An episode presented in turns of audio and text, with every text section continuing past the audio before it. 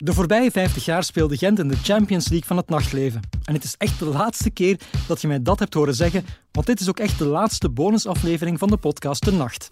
En die gaat veel verder terug in de tijd dan de voorbije 50 jaar.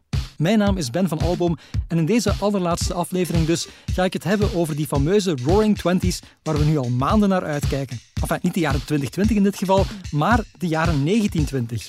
Ooggetuigen van het nachtleven toen heb ik helaas niet meer gevonden, maar wel erfgoedexpert Cor van Istendaal en Marta Mishna, die, alsof ze wist dat iemand die ooit zou nodig hebben voor een podcast, in 2008 een thesis heeft geschreven over dansings in Gent 1919-1939. En ze begon die door te zeggen dat ze eigenlijk een beetje teleurgesteld was in het Gentse nachtleven van die tijd. Oh ja, uh, die thesis. Ja, ik wil kaderen. Die is ook 13 jaar geleden geschreven. En als ik daar nu op terugblik, was dat alles behalve een teleurstelling. En dat was in tegendeel een openbaring om, om zo'n stukje geschiedenis te kunnen onderzoeken. Een van de allez, intrigerend stukje geschiedenis. Hè. Uitgaan bij onze grootouders, overgrootouders. Dus alles behalve een teleurstelling. Wat ik daarmee bedoelde was natuurlijk, als je kijkt naar Parijs en Londen en, en ik denk uh, die grote steden, ook op vlak van uh, muziek en mode en zo, ja, dat lag wel anders bij ons. Ja. Dus er werd even wel in het begin duidelijk gemaakt van dat was hier niet zo grand, uh, zo groot als in, als, in steden zoals, in, zoals Berlijn, Parijs of Londen. Ja. Maar het was geen teleurstelling. Uh, dat klopt helemaal, denk ik. Uh, ik denk dat jij in uh, de jaren waar dat uh, Mart dat over schreef, dat je nog niet kunt spreken over de prominentie van het Gentse nachtleven. Dat komt eigenlijk pas veel later op gang. Spreek maar na Wereldoorlog 2. Maar in die interbellum is dat een gewone industriële kleinstad in, in, in Vlaanderen en relatief ver van de grote stad Parijs, relatief ver van de grootstad Brussel ook waar toch wel het grootste deel van de jazzscène in België zich, uh, zich bevond in die jaren. Oké, we waren dus nog geen Berlijn en we waren ook geen Parijs. Maar er lagen toen in Gent wel al een respectabel aantal dancings, zoals dat toen ook al heette. Geen fancy plekken dus, maar wat waren die dancings dan juist wel? In de eerste plaats een plek waar je kon dansen. Ik denk dat dat wel Um, het is, zit iets complexer in één, hè, Cor? Um, ja, ik denk dat, dat de dancing als idee is eigenlijk iets dat inderdaad ook overwaait uit het buitenland. Hè. Dus de naam dancing alleen, dat zegt het al. Hè. Het is een internationale term. Maar als je gaat kijken naar wat een danszaal was, dat was een... Uh, ik noem dat altijd heel technisch, hè, een, een polyvalente entertainmentruimte. Daar gebeurde van alles. Daar gebeurde onder andere dansen. Maar in, voor de Wereldoorlog 1 zeker ook cinema. Dus uh, veel danszalen investeerden in een cinemacabine. En af en toe werd er gewoon film gespeeld. Af en toe was er ook een bonte avond, variété.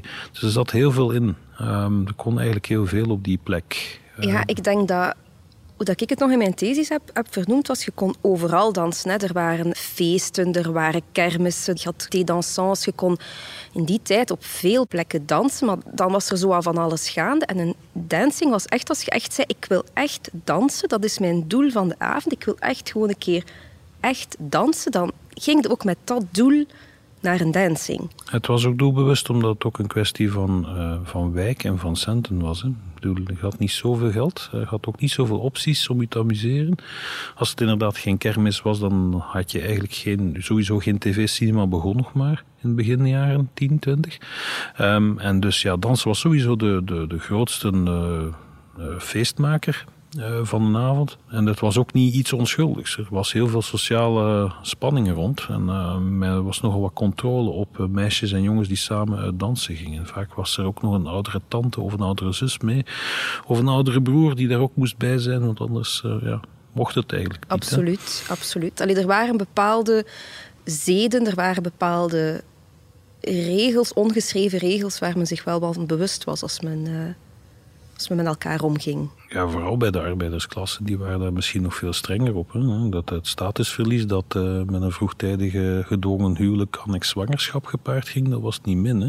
Je kon je dat ook gewoon niet permitteren. Hè? Dus daar werd wel heel streng op gekeken. Het was meestal van tegen 11 uur thuis, tegen de laatste tram of tegen de laatste, mm laatste bus. Hè? Allee, dat, dat zat er toch wel hard in. Hoor. Ja, want wij hebben bij ons een, um, toen gebruik gemaakt van de studenten van professor De Wever. En dat waren 39 studenten, geloof ik nog. En die hebben we uh, aan uh, iemand in een rusthuis. Dus wij zijn echt specifiek gaan zoeken in, uh, in woonzorgcentra naar mensen die nog leefden, die, die al uitgingen in de tijd van het interbellum. Soms waren die mensen nog maar 14, 15, maar ze konden daar wel al iets over, uh, over vertellen, of over hun broers en zussen. En zo hebben we daar heel specifiek op doorgevraagd van hoe werd er daar thuis naar gekeken. En bij, er waren ook mensen die zeiden, ik ging niet uit, want dat mocht gewoon niet van thuis. Dat werd scheef bekeken. Als de voorbije 14 afleveringen van deze podcast mij één ding hebben geleerd, dan is het wel hoe ons geheugen vaak al na 20, 30 jaar een zeef is. Wat intussen ook iedereen weet, is dat er van het Gentse nachtleven voor 2000 amper beeldmateriaal bestaat. Er waren nog geen smartphones en niemand nam een fototoestel mee om te gaan feesten. Dus hoe slaag je dan juist in om dancings te lokaliseren die al ruim 80 jaar zijn verdwenen, waar bijna geen beeldmateriaal van bestaat en die ook helemaal niet de reputatie hadden van een cultureclub of kompas? Cor en ik hebben samen die ontdekking gedaan. Ik weet nog dat wij in het archief zaten, dat wij een boek uit 1933 teruggevonden hebben, De Hinderlijke Inrichtingen. En dat was eigenlijk de basis van mijn thesis. Ja, er was wetgeving rond. Hè. Je mocht niet zomaar een dansing openen. Hè. Dat was een vergunde inrichting. Ja. Dus je moest er altijd wel eerst een papier voor invullen en een toelating vragen. En toelating aan je buren vragen ook. Ja. De, de commodo et incommodo, zoals je een bouwwerf vandaag moet aanvragen als je je huis gaat verbouwen. Het is heel vergelijkbaar. Je moest eigenlijk heel veel uh, ja, heel veel administratie doen voordat je dat mocht doen. Hè. Het was niet vrijblijvend. Nee. Allee, zo die hinderlijke inrichting, dat is een boek, zegt het zelf. Alles wat hinderlijk is, krijgt een vergunning. Dus als jij haring pekelde bijvoorbeeld, ja, dat was hinderlijk. Dat gaf een geurhinder. Hetzelfde met een dancing. Ja, dat was lawaaihinder bijvoorbeeld. Dat was uh, al een van de grootste. Ook brandgevaar natuurlijk. Je brengt heel veel mensen op één plek. Allee, dat, dat moest inderdaad vergund worden. En dan komen daar inderdaad... komt daar een gigantische boek uit het archief Echt zo'n meter op een halve meter. Gigantisch groot. 1933, alle hinderlijke inrichtingen in Gent. Ik denk dat we daar 163 dancings uitgehaald hebben. Dus dat betekent dat er in dat jaar 163 dancings vergund waren in Gent. Dus iets dat eigenlijk ontstaat in het midden van de 19e eeuw. Want dan begint eigenlijk de revolutie van mechanische muziek met de draaiorgels die heel groot worden, heel krachtig worden. Die je dus kunt gaan gebruiken om een hele danszaal met 100, 200 mensen aan het dansen te krijgen met één werknemer in plaats van een heel orkest. En dat is een revolutie. Dus er komen er ineens heel veel bij. Als je ziet hoeveel dansings er dan op dat ogenblik in de steden bijkomen, dat is werkelijk ongezien. En dan begint men te merken van ja, maar dat loopt hier uit de hand. En men begint dus die vergunningsplicht strenger en strenger en strenger te maken. En tegen dat je dus in dat interbellum terechtkomt, waar dat Marta over gewerkt heeft, dan zie je daar meteen de gevolgen van ook. Je ziet al heel veel regeltjes in de wetgeving van brandveiligheid, van geluidsoverlast, wildplassen. Ja, ik las ook de brieven die geschreven werden tussen de persoon die de aanvraag indiende en de brandweercommissaris van die tijd of de politiecommissaris. En dat was van, oké, maar er moeten, uh, er moeten drie lavabo's zijn, er moeten drie toiletten zijn, de deur moet 2,15 meter breed zijn, er mogen maximum 215 mensen binnen. Uh, je hebt een vergunning tot drie uur s'nachts. Um, dus dat werd... Je moet een buitenwipper voorzien, dat is een van de dingen die heel, heel, heel traditioneel is ook. Uh, er is altijd ordehandhaving geweest in dansings binnen buitenwippers, doorguys, uh, alles wat dat je wilt, dat was, dat is eigenlijk zo oud als danszalen zelf. Wat we dan gedaan hebben, ik heb gesproken over dat boek Hinderlijke Inrichtingen, 1933. En dan ben ik letterlijk oldschool begonnen een stratenplan van Gent open te vouwen en met van die rode bolletjes alles te markeren. En dan moesten we ook een stratenplan hebben van Gent uit die tijd, van veel straten, die, hadden, die waren van naam veranderd. Of die, waren, die bestonden niet meer, die waren heraangelegd. Dus je moest soms echt zoeken van, oké, welke straat is dat nu? En eenmaal dat je al die bolletjes hebt, zo'n CSI-moment, dat je zo drie stappen naar achter zet en zo zegt van, aha, het enige wat ik wist op dat moment was de Kuipersky. En dat heb jij zelf ook al in een podcast belicht. De Kuipersky, dat was geweten, was een befaamde uitgangsbuurt. En dat was al gekend dat dat al begonnen was, want er was een treinstation in 1927. Is dat verdwenen? Het is ook eh, zo dat stationsbuurten altijd wel een beetje een uitgangsbuurt zijn geweest. Hè. Dus dat was altijd de plek waar daar heel veel passage was. Hè. Dus veel uh, jonge mannen alleen, los van hun dorp, los van hun gemeenschap, kwamen daar langs. En dat was eigenlijk een dankbaar publiek om inderdaad ook met danszalen aan de slag te gaan. Maar als ik aan het onderzoek begon, was die Kuiperskaai degene dat ik echt zeker van wist, omdat dat degene is waar je al van hoort had. En dan de tweede was de Sint-Amandstraat in Gent. En voor wie van Gent is, ja, dat is de straat tussen de Blandijn en de Overpoort. Maar die loopt dan boven het Sint-Pietersplein. Ik dacht eerst, ah, dat zullen de studenten zijn. Omdat ik natuurlijk 22 en student was, dacht ik. Maar dan begon mij te dagen en, en, en door mij daarin te lezen dat de kazerne daar vlakbij was. Dus dat was eigenlijk de uitgangsbuurt van de soldaten. Dat was ook voor mij zo een aha-erlevenis van, hè, maar de Overpoort is daar toch vlakbij? Dus is dat, is, hoe komt dat dat die uitgangsbuurt in de Sint-Amandstraat was? De Overpoort was toen blijkbaar nog een winkelstraat, puur winkelstraat. Dus daar heb ik ook geen enkele dancing in teruggevonden. Nee, maar soldaten mochten niet naar dancings gaan. Dat, staat in, dat stond zelfs in het reglement dat we toen hebben teruggevonden van de kazerne. Van het is verboden om uit te gaan in de, in de dancings van Gent. Tuurlijk deden die dat. Dat waren jonge gasten ver van huis. Die, zich, ja, die moesten wacht kloppen of die, moesten, eh, die mochten een keer uit. Vergeet ook niet, iedereen ging naar het leger hè, toen. Dus dat is niet... Lijkt nu, hè. Ja, tuurlijk, iedereen moest naar het leger. Dus dat, was niet, was, dat was niet tegen te houden. Dus dat was ook gewoon een doorsnede. En die komen dan in de stad terecht. Hè. Dat zijn echt jongens van, uh, van overal. Van overal. Ja. Veelal platteland. Dus je kunt dat ook een beetje vergelijken met, met studeren toen zeker. Dat... dat is ontgroening, hè. Dat is, zo simpel is het. En je houdt dat dus niet tegen. En, natuurlijk was daar een, was daar een aanbod. Hè. Dat, uh, dat kun je, kun je wel denken.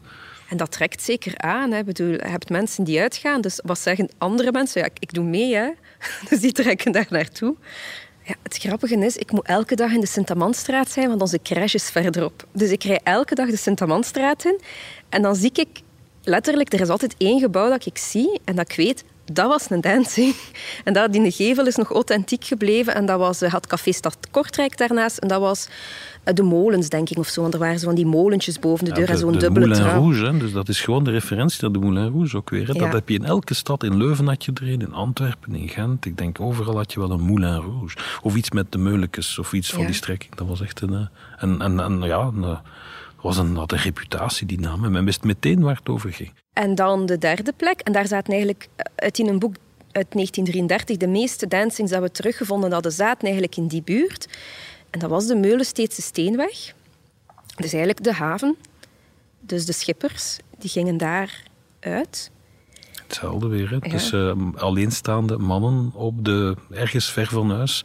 Geen sociale controle door de gemeenschap. En dan krijg je een, een, een soort economie die daarop inspeelt. En danszalen horen daarbij natuurlijk. En dan natuurlijk, hè, je hebt op uh, drukke steenwegen of op uh, markten heb je altijd wel een paar dancings. Hè. Ja, de Vrijdagsmarkt of de Korenmarkt of de Zwijnaardse Steenweg. Op, allee, dan vonden nog wel van die losse rode bolletjes op mijn kaart. Vaak zijn die dingen al aanwezig sinds ja, 1830 soms. En dan wordt dat later ook nog een wijkcinema bijvoorbeeld. Die dansings die worden vaak gedwongen zo tegen 1920, 1930. Gebeurt eigenlijk de eerste grote kaalslag. Eigenlijk begint dan al de stadsbestuur toch aan te porren van stop een keer met die cinemacabines. Maak er een cinema van of je blijft danszaal. Maar het is één van de twee. En dat is puur met brandveiligheid. Want die cinemas die waren veel gevaarlijker wegens de brandbare pellicule dan, uh, dan, dan dancings op zich. En dus op een gegeven moment zie je heel veel dancings in de, in de binnensteden veranderen naar ja, cinema. Ja, die hadden daar ook de perfecte architectuur voor. Hè. Dat is gewoon een rechthoekig lokaal. Dus ja, dat is gewoon zeer makkelijk om te vormen. Dat is, dat is bijna nul investering. Hè. Laten we toch nog even teruggaan naar de Kuipersky, het begin van deze podcast en dus ook de Gentse uitgaansbuurt die het in feite nog het langst heeft volgehouden, tot begin jaren 90. Alleen had het toen al, hoe muzikaal toonaangevend die buurt in de jaren 80 ook was, veel van zijn pluimen verloren. Of toch zeker in vergelijking met de jaren 20 en 30. Dat was zeker voor de bourgeoisie. En als we, we vroegen daar ook eh, op door. Wij hadden 39 respondenten die een uitgangsleeftijd hadden in de jaren 30. En die vertelden ons dat ook. Van, uh, er was een vrouw en die zei van... Ja, oei, nee, daar ging ik zeker niet uit. Dat was voor voor het chique volk. Ik ging dan naar de Sint-Amandstraat. Iemand had bijvoorbeeld de vergelijking gemaakt van de Kuiperskaai is dan voor de zoon van de advocaat en de dienstmeid van de advocaat die gaat dan naar de Sint-Amandstraat. Zo, dat was de vergelijking een beetje. En die sociale segregatie was er ook en dat werd ook afgedwongen met ticketprijzen en met consumptieprijzen. Dus die, die, men, men wist dat ook toen al, van als je het hem duurder maakt, dan krijg je chiquer volk. Dus dat, dat werd toen al heel bewust gedaan en dat was ook zo. Dat, dat, je kwam daar niet zomaar binnen met de juiste kledij en als je geen geld ook kon uitkomen wat ze waren, werden sowieso buiten gekeken of gezet, ook letterlijk soms. Het valt mij nu ook iets te binnen. Bijvoorbeeld de namen in de Kuiperskaai, die waren veelal Frans. Le, le Perroquet. Hè? Maar dan de namen in de Sint-Amandstraat, dat was de Molecus, de Torecus. Dat waren meer die namen ook. Dus dat, dat geeft ook weer zo het verschil in het publiek dat ze aantrokken. Maar ik denk ook qua muziek, en verbeter mij, want jij bent daar dan meer de specialist in, maar dat, dat meer ook orkestjes waren, niet zozeer orgels dan in de Kuipersky. Want dat werd vermoedelijk, ook als... Vermoedelijk ook. Orgels zijn heel typisch voor volkse dansen. Ja. Men, ging, ging dat, dat, die, we zagen er zeer veel, um, zeer chic, met veel goud en veel krulletjes uit. Maar het zijn inderdaad de duurdere zaken, waren meestal met orkest simpelweg. Een orkest was ook gewoon duurder, je had meer prestige. Mm -hmm. En kon je ook, uh, als je iets op tafel legde, ook vragen, speelt dat nummer voor mij en mijn lief. En dan had je natuurlijk eh, de avond voor u.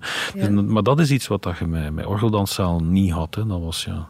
Ja, want ik herinner mij dat er zo'n vergunning was van iemand uh, van de Kuiperskaai in de buurt. Uh, Le Perroquet was die dancing. En dat uh, letterlijk werd gezegd, je hebt toestemming voor een orkest van, van vijf man dat was ook gewoon een, een wijk waar ook mensen woonden. Want dan merk je bij die buurtonderzoeken die worden gelanceerd uh, door de politie, dat er ook klachten binnenkomen over die dancings. Tuurlijk waren er veel dancings in en om rond die straten, maar daar woonden ook nog wel mensen achter en opzij. En die hadden ook soms wel klachten over. Dus als er een nieuwe dancing opende, ja, dan vind je wel altijd toch iemand die de politie aanschrijft en zegt ja, ik ben hier niet mee akkoord, dat brengt de waarde van mijn eigendom naar beneden. Eigenlijk, ik heb daar nooit iets in gelezen dat niet nieuw was. Hè. Dat brengt de waarde van mijn eigendom naar beneden. Ik heb daar last van, uh, van, van nachtlawaai. Ik ben een, een werklied die moet, uh, die moet opstaan s ochtends. Ik ben een meester. En dat werd ook nog, heb ik ook nog ergens gelezen. Het, het NIMBY-syndroom is niet nieuw. Hè. Dat is gewoon, ja, dat is hinderlijke inrichting voor ja. iets. Hè. Dat werd ook echt bevraagd en daar kwam ook de antwoorden, zag je inderdaad. Ja, die duivelse jazzmuziek heb ik ooit een keer gelezen. Ook, ook al, ja, ja. ja, Maar ook wel het wildplassen, hè, want veel van die mensen hadden, ah, veel van die dancings deden de moeite niet om goede toiletten te voorzien intern. Dat is heel lang een probleem geweest. En niet te vergeten het uh, typische mannetjesputtersgedrag van elkaar op de vuist te gaan buiten. Men deed dat niet binnen. Hè. Binnen was er een buitenwipper. Als er twee dreigden op de vuist gaan, dan werden die alle twee buiten gezet en vecht daar maar op straat. Dus dan kreeg je ook nog eens vechtpartijen. Dat was zeer typisch. Dat was om de haverklappen. En dat is ook iets dat het eerste was dat ik moest beginnen begrijpen, was hoe werd vrije tijd beleefd. Je moet begrijpen dat je naar een zes dagen werkweek gaat. Dus ik denk vanaf 1921 is men naar een zesdaagse werkweek gegaan, waarbij dat je de zondagavond niet moest werken. En dat is een openbaring geweest, omdat mensen toen een dag hadden dat ze niet moesten werken in de fabriek of, of op, het, op het land. Of, allee, op het land moet altijd werken, maar ik bedoel op, op de fabriek.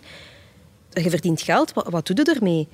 In uh, 1933 is betaald verlof ingevoerd. Dus ja, plots hadden verlof. En ja. dat is ook de reden waarom dat er op vrijdagavond eigenlijk ook niet echt werd uitgegaan. Nee, het was altijd zaterdag omdat je zondag kon uitslapen. Hè. Dat was ook een van de typische. Het was ook maar één avond en soms ook de zondagnamiddag. De, de thé dansants. De thé dansants, ja. dus dat was ook wel iets. En dan werd dat, liep dat ook uit de hand en dan konden we de volgende dag met een kater gaan werken. Dat, dat was ook bekend, hè. dat waren de verloren maandagen. Dat was heel simpel. Maandag moesten niet te veel vragen.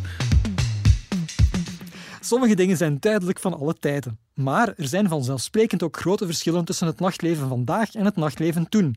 En dan heb ik het specifiek over wat er zich in die dancings op de dansvloer afspeelde. Ja, eenmaal ter plekke werd er gedanst. En dat vond ik eigenlijk het leukste aan mijn onderzoek. Vertel dan een keer, hoe, hoe was dat? Want dat is niet like nu dat je zo twee schuifelpasjes naar links, twee schuifelpasjes naar rechts en dat je zo...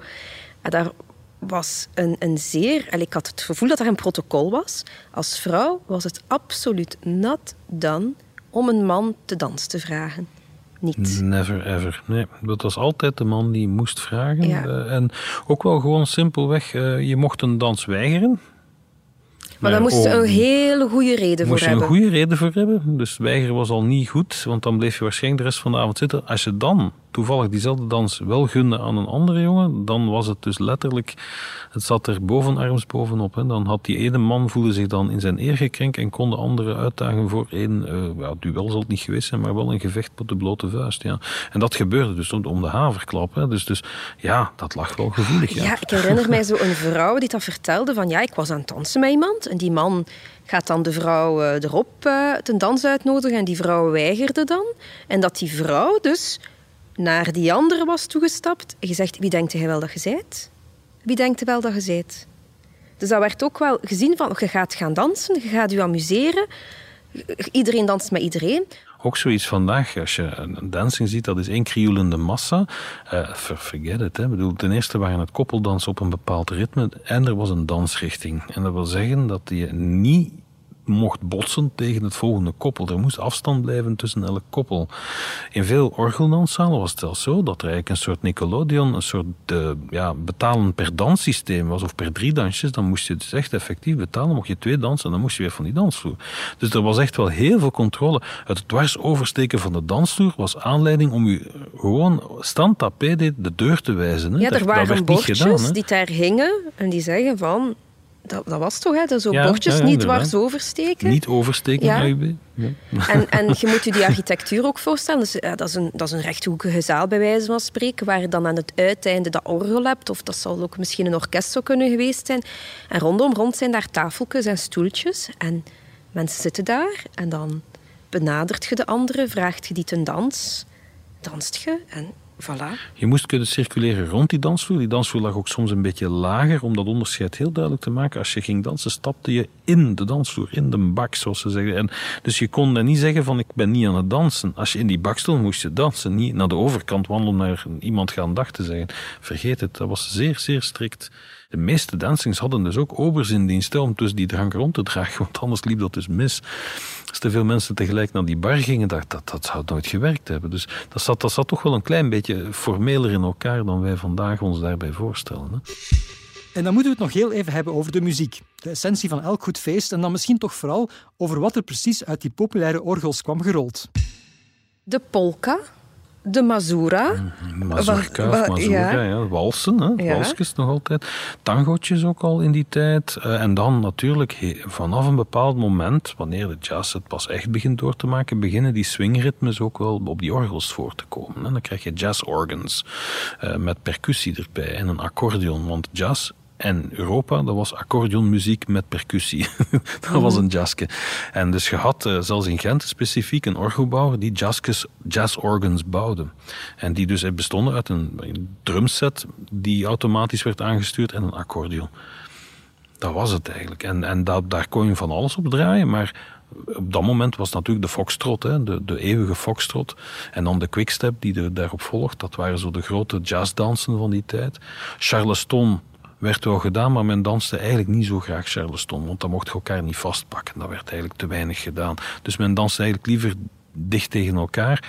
En dat waren walsen en, en, en foxtrotjes natuurlijk veel beter. Toen ik aan onderzoek begon, had ik ook zo het beeld van de jaren 20 en 30, zo de Roaring Twenties en de Thirsty Thirties en dan zo de vrouwen en zo van die kralen rokken en dan zo, hè, dat zo die, bobske, die bobkes dat ze zo hadden, dus dat had ik zo in mijn hoofd. Maar dat inderdaad, dat, dat, kun, dat, dat denk ik niet aanwezig was in Gent, um, als ik nu daarop... Uh, nee, en het is ook moeilijker te achterhalen, omdat je ziet ook, de, als je foto's vindt van danszalen, zijn het meestal publicitaire foto's van een lege zaal.